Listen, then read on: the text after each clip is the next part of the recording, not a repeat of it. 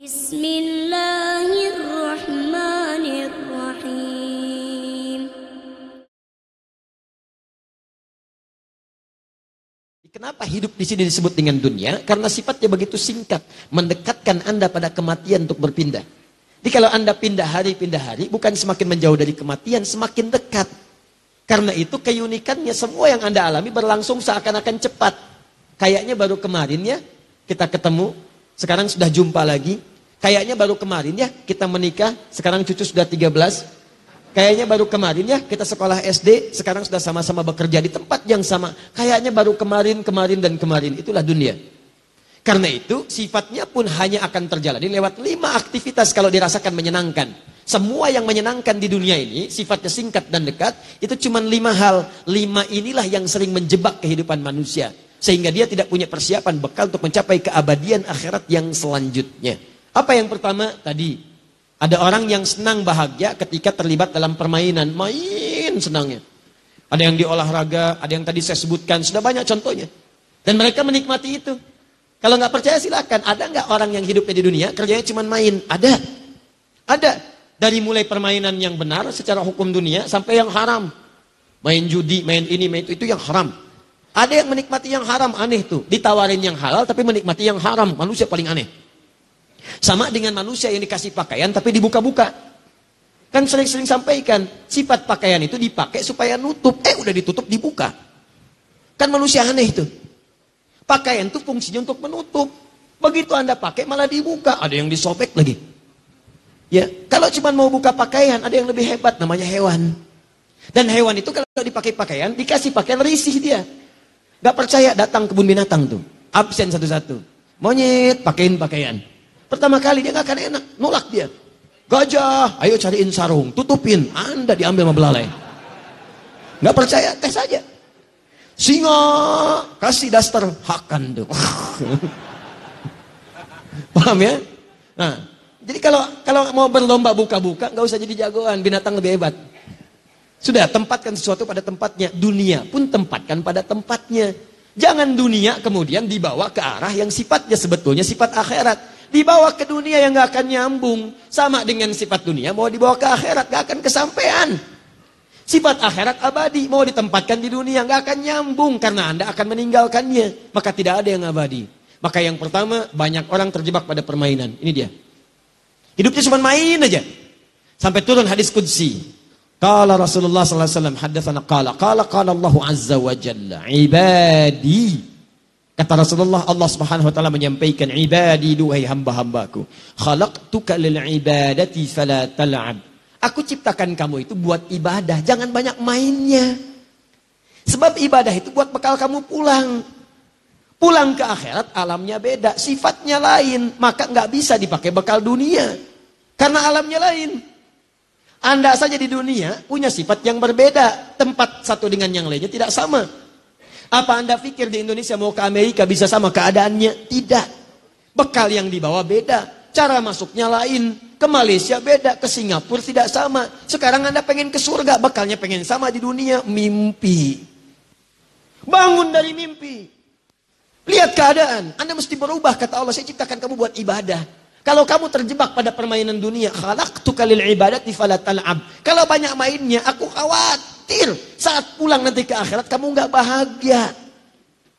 Lihat anak bahagia, lihat cucu bahagia main dengan cucu main sepedaan, main ini, main itu.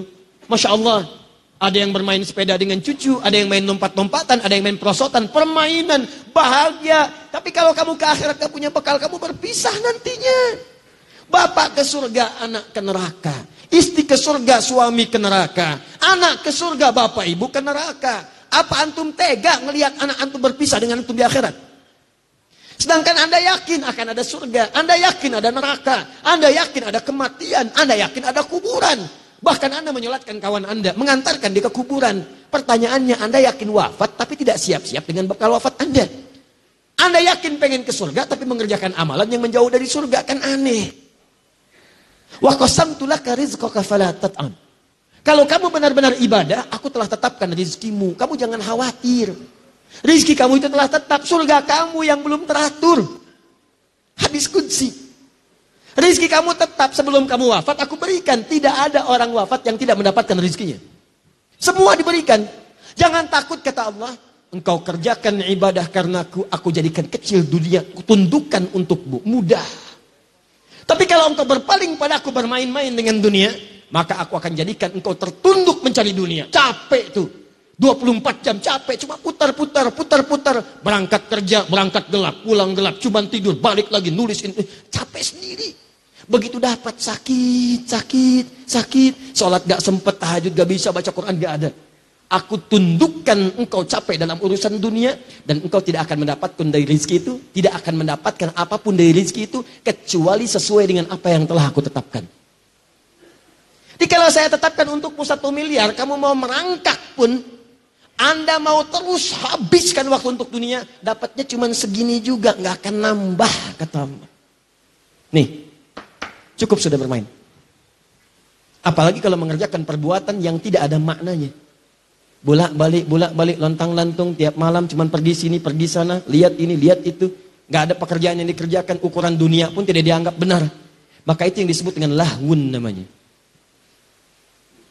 Wa minan nasi may yashri lahwal hadith liyudilla an sabilillah.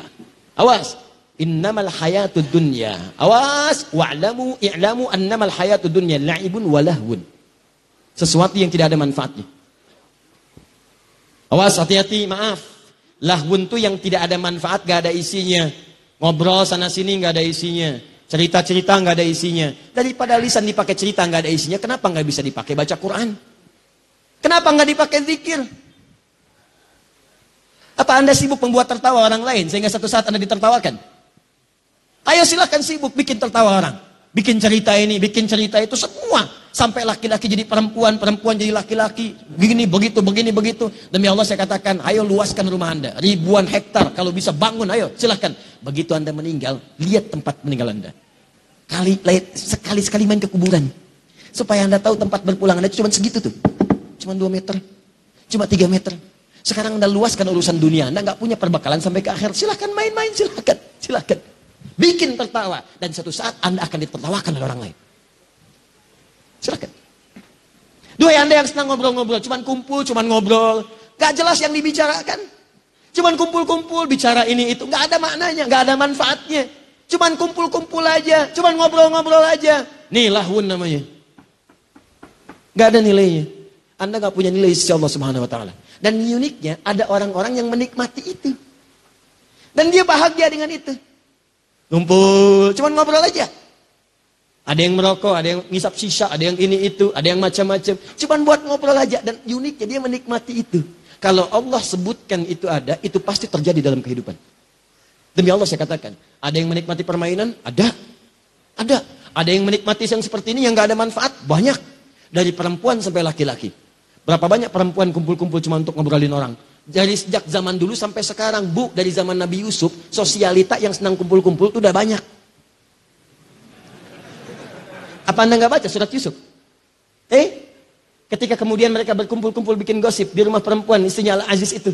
Sampai mengatakan, duh, istri pembesar kok selingkuh ya? Cuman buat ngobrolin itu aja. Kedengaran sama pembesar diundang, begitu diundang, masuk. Yusuf keluar. Tuh, Yusuf ganteng-ganteng nabi. Orang sekarang ganteng-ganteng serigala. Bayangkan. Yusuf tuh. Dia orang dulu tuh lebih pas. Orang sekarang nggak ada kreativitasnya. Keluar Yusuf. Begitu keluar.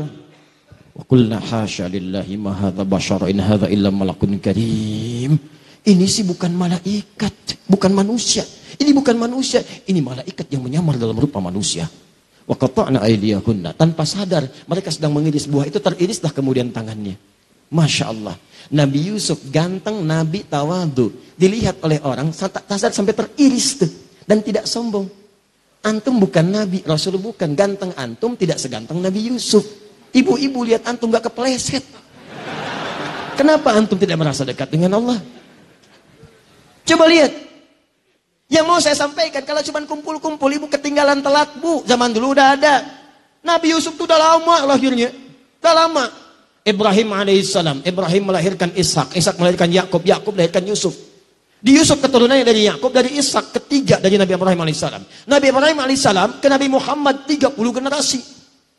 Satu generasi bisa ribuan tahun. Muhammad bin Abdullah bin Abdul Muttalib bin Hashim bin Abdul Manaf bin Qusay bin Murrah bin Kilab bin Ka'ab bin Ghalib bin Fihid bin Malik bin Nadar bin Kinana bin Khuzaimah bin Mudrika bin Ilyas bin Nizar bin Mudar bin Ma'ad bin Adnan bin Addi bin Adri bin Muqawam bin Nakhur bin Tarih bin Ya'rab bin Yasub bin Nabit bin Ismail alaihissalam bin Ibrahim alaihissalam 30 generasi ulangi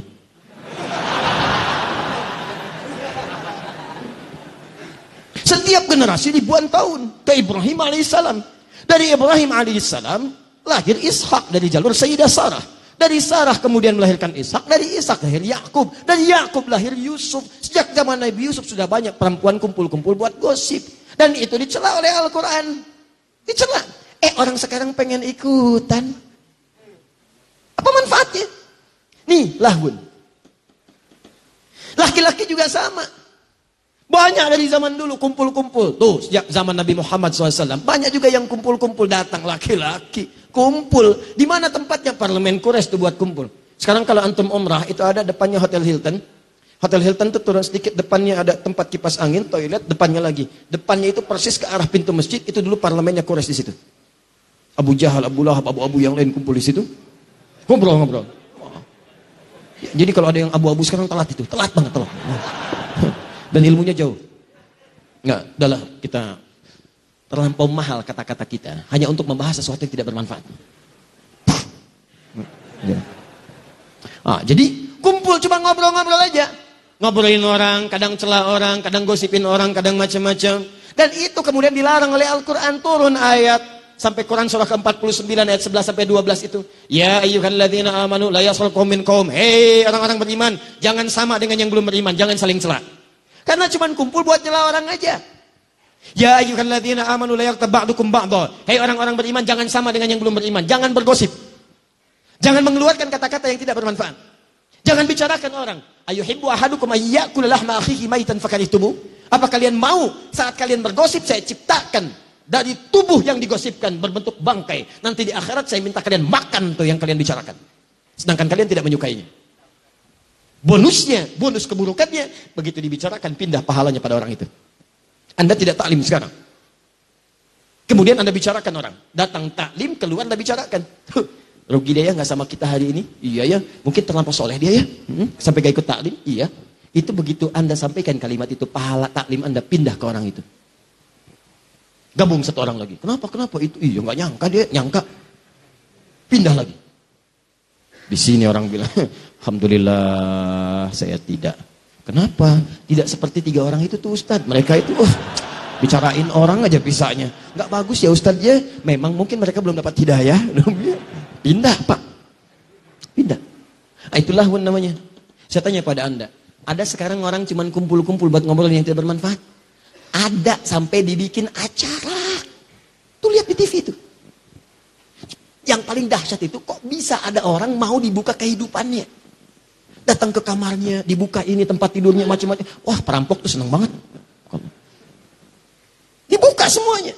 Bangun jam sekian, baru bangun tidur udah kelihatan wajahnya. Apa anda nggak punya privasi dalam kehidupan?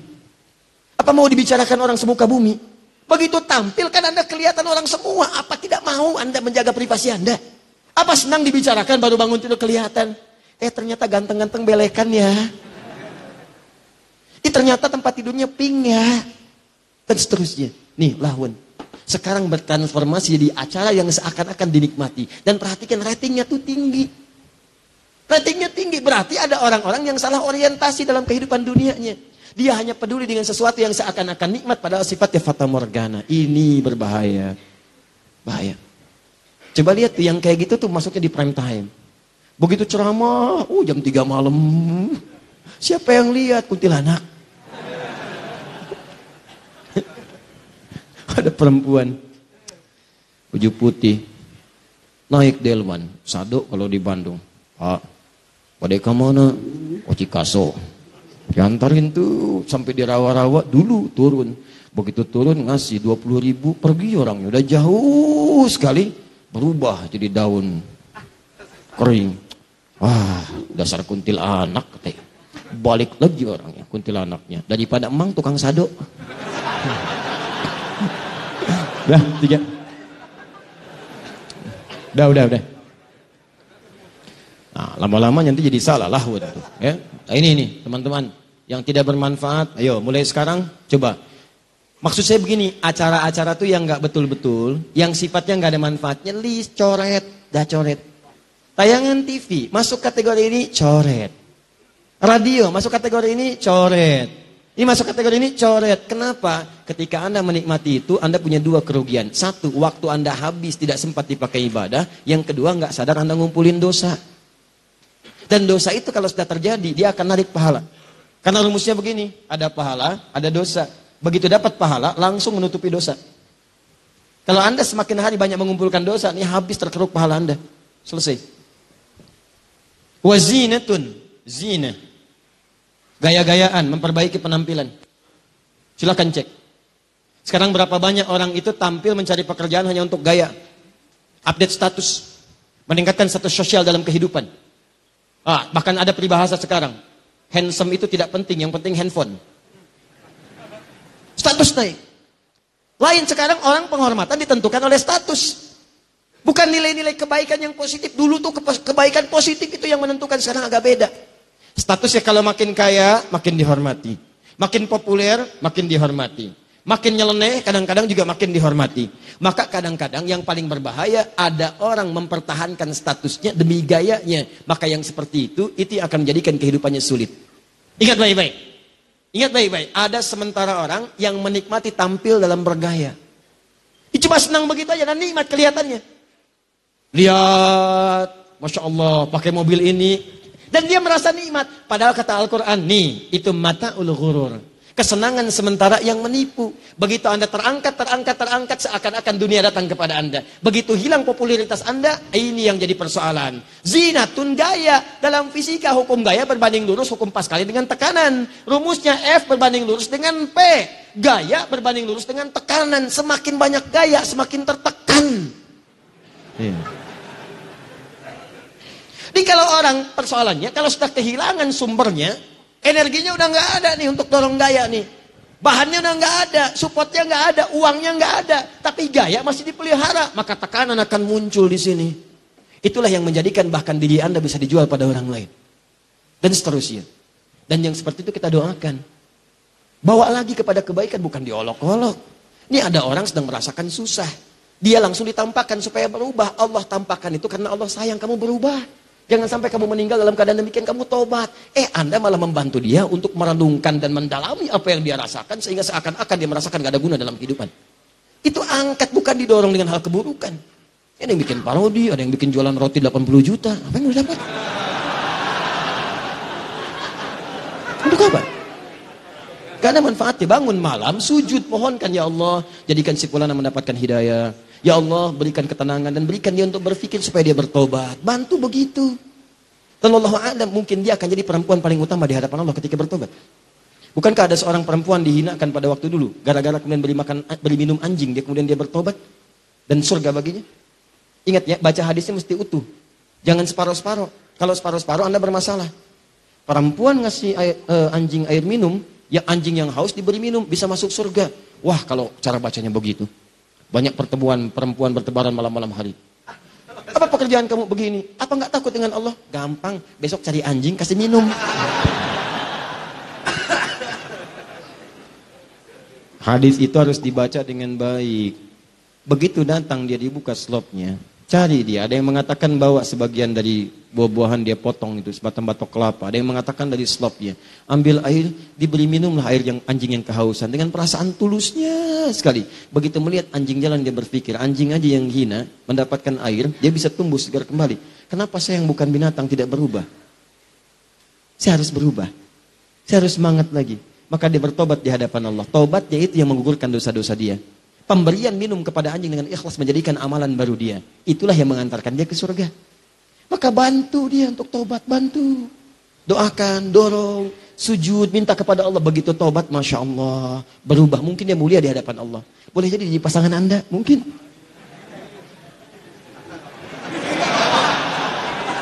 Masya Allah.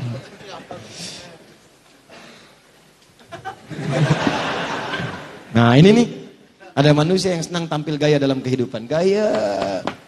Jadi ustadz gaya. Eh? Jelas ya? Empat. Gak cepat nih. Jadi kalau cuma gaya-gayaan, Anda tertipu. Anda tertipu. Karena itu cuma sementara. Wa tafakhurun bainakum. Tafakhurun. Saling berbangga-bangga. Tuh. Kumpul-kumpul buat bangga-banggaan aja. Update status untuk menaikkan status sosial supaya dianggap fakhr. Naik. Jadi hebat. Kuliah untuk apa? Lulus supaya dikenal. Saya IPK-nya paling bagus. Kerja untuk apa? Supaya naik status. Terangkat. Maaf. Dipandang hebat oleh orang. Pandang sukses oleh orang. Saya mau tanya pada Anda. Anda, duhai Anda yang bekerja. Maaf ya, sampai dengan sekarang. Anda bekerja itu demi memenuhi perintah Allah Maksudnya Anda bekerja karena Allah atau karena ingin mengangkat dan merubah status kehidupan Anda. Tolong renungkan sampai sekarang. Kalau pekerjaan Anda hanya sekedar untuk mengangkat dan merubah status Anda dan Anda tidak pernah terpikir mendapatkan ridha Allah, maka Anda sedang tertipu dengan urusan dunia. Ingat baik-baik itu. Dan semua nilai pekerjaan Anda tidak akan bernilai di hadapan Allah Subhanahu wa taala.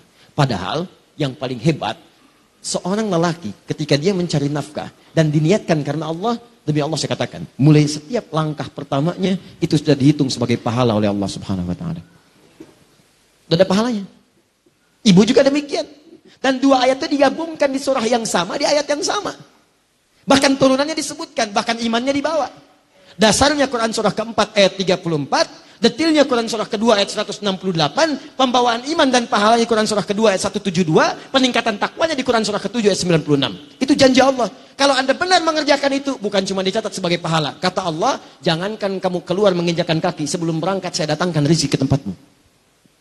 Tuh, kurang apa lagi? Kelima, watakafurum fil amwali wal aulad. Ini yang paling banyak nomor lima ini. Kehidupan di bumi itu merasa seakan jadi bahagia di dunia itu terasa sekarang mengembirakan ya menyenangkan. Kalau apa? Kalau harta itu bisa bertambah. Keturunan itu bisa bertambah. Harta dan keturunan. Lomba nih. Harusnya lombanya urusan akhirat nih lombanya memperbanyak harta urusan dunia. Takafur memperbanyak. Fil amwal harta. Silahkan cek ya. Maaf sekali. Yang ini lebih banyak sekarang nih. Hampir semua profesi Silahkan cek. Yang kerja ngumpulin harta. Bahkan yang paling bahaya, ketika seseorang mendakwahkan urusan dunia, tujuannya untuk urusan akhirat, tujuannya untuk dunia, ini yang paling bahaya. Ketika ustadz pun sudah ikutan pada yang seperti ini, ini yang paling berbahaya. Ustadz ceramah hanya sekedar mengumpulkan amplop saja. Ustadz ceramah hanya ingin dibanggakan punya popularitas. Dan dia tidak siap kemudian untuk menerima pelajaran-pelajaran yang lebih baik. Dia tidak siap berbagi. Dia tidak menyadari kekurangan ilmunya. Akhirnya apa yang terjadi? Karena pengennya tafakhur, ingin dianggap orang yang hebat saja, maka dia tidak bisa merekomendasikan pada orang lain. Dia merasa harus dengan dia saja. Jangan belajar pada yang lain. Jangan dengan ustadz ini. Anda dengan saya saja. Nih, tafakhur. Harta, kumpulkan, ambil, pilih-pilih. Kalau kira-kira kasih amplopnya besar, datang. Sampai muncul istilah di ilmu hadis. Kalau amplopnya tebal, itu sahih amplopnya lemah itu daif. Kalau amplopnya sedikit tapi banyak dari berbagai hal, sahih digoyerihi. Yang bahaya. Sampai muncul istilah da'i seperti air. Air itu dibagi tiga. Ada air hujan, ke mana-mana tuh datang. Itu semua tuh dihujanin tuh. Gak peduli mau rumput, mau mawar, semua datang. Itu yang bagus. Sana sini datang, gak peduli dia. Mau dikasih urusan dulu, gak ada. Karena kontraknya dengan Allah, bukan dengan manusia. Saya itu kecil lah. Karena nilainya. Jangan takut dengan dunia. Demi Allah saya katakan rezeki kita itu udah diatur, jangan takut. Pergi sana sini. Ada yang seperti airnya itu sumber mata air, sumber air, mata air. Dia udah nggak bisa ke mana-mana, cuman orang datang ke situ. Datang, datang, minta sanad, minta ini, minta itu, masya Allah. Itulah sumber air, mata air. Yang ketiga itu yang paling bahaya, ulama air pam. Dai air pam yang kalau nggak dibayar rekeningnya nggak muter. Kerannya nggak muter tuh, kerannya nggak muter. Ini yang bahaya. Nah, sekarang coba renungkan, betapa banyak orang merasa bahagia karena hartanya itu terkumpul banyak. Sekarang ukuran bahagia harta. Sekarang ukuran bahagia kalau punya pasangan yang ideal, muncul di majalah, di update, dilihat kelihatannya ini yang paling bagus, senang, sehingga punya keturunan, itu kan? Yang paling membahagiakan ketika Anda kepelaminan, wal aulad. Bagaimana bisa punya aulad kalau nggak ada pasangan? Yang membahagiakan ketika Anda punya status, handphone baru, rumah baru, mobil baru, foto, ceklik, update. Sekarang begitu. Itu fata morgana. Itu fata morgana. Bahkan ada yang sudah paham fata morgana, masih diupload juga. Ceklik di fotonya. Mobil baru, walaupun cuma fata morgana. Susah manusia begitu.